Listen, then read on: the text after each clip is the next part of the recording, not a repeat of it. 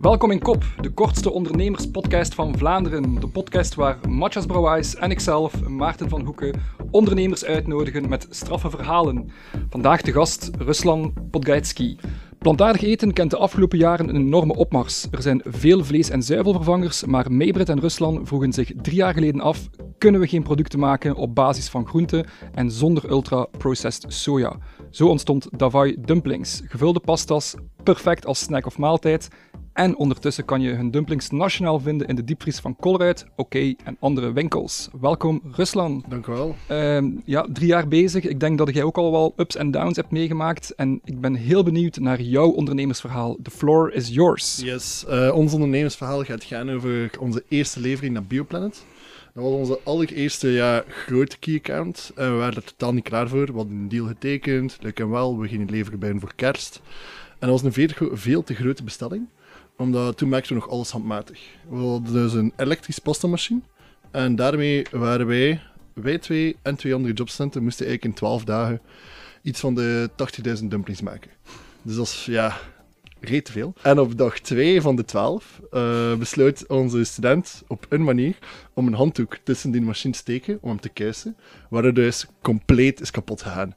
En wij zagen dat en we dachten, oh nee, wij zijn compleet gefucked. Uh, dus die student is in Hans buurt gegaan, van onze productielocatie in Schellebelle, middle of nowhere, om te vragen aan de buren, is er, is er iemand met een pastamachine? We hadden de chance, onze buurvrouw had een manueel pastamachine. Oké, okay, goed, we dachten voor een dag of twee gaat dat wel chill zijn. Leuk, we gaan dat zo doen. Dus we hadden ondertussen een elektrische pastamachine besteld en we gingen een dag of twee met de manuele. Ja, en ik weet niet of hij dat weet, maar hoe je dus dumplings maakt is, je pakt een grote bal deeg, uh, je rolt dat een beetje uit dat dat één lange slang wordt. Dan steek je die slang in die pastamachine, zodat je een dun velletje deeg hebt. Dan moet je dan met een vormke cirkels in maken. Dan heb je cirkeltjes, je deegjes. Dan doe je daar je vulling op en dan plooit je dat toe. En dan moet je dus 80 à 90.000 keer doen. Dus dat is leuk voor 100 keer, hè? dat is de max. Supergewijs. Doe dat een namiddag met je ma of zo. Maar niet voor 90.000 te maken. En dan kregen we eindelijk een pakketje van ons elektrische pastamachine. En wat bleek, het was een gaming chair en niet een pastamachine.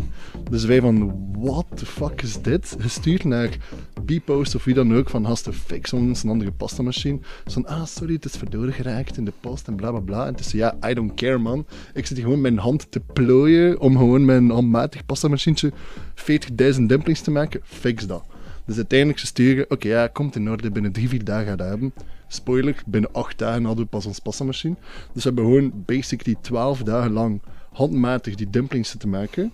Wat echt crimineel was, echt niet aan te raden. En dan, omdat we al onze times mis waren, moesten we eigenlijk de laatste dag gewoon een nachtje door. We wisten, voordat we begonnen, oké, we gaan hier gewoon een 36 uur shift moeten doen, want we zitten gewoon te achter. We hebben al die doosjes zitten lijmen, we hebben al die doosjes zitten vullen met dumplings. Het palet was eindelijk klaar transporteur moest komen om 12 uur om te leveren bij 2 uur in Bioplanet. Oké, het is 12 uur, hij is er niet.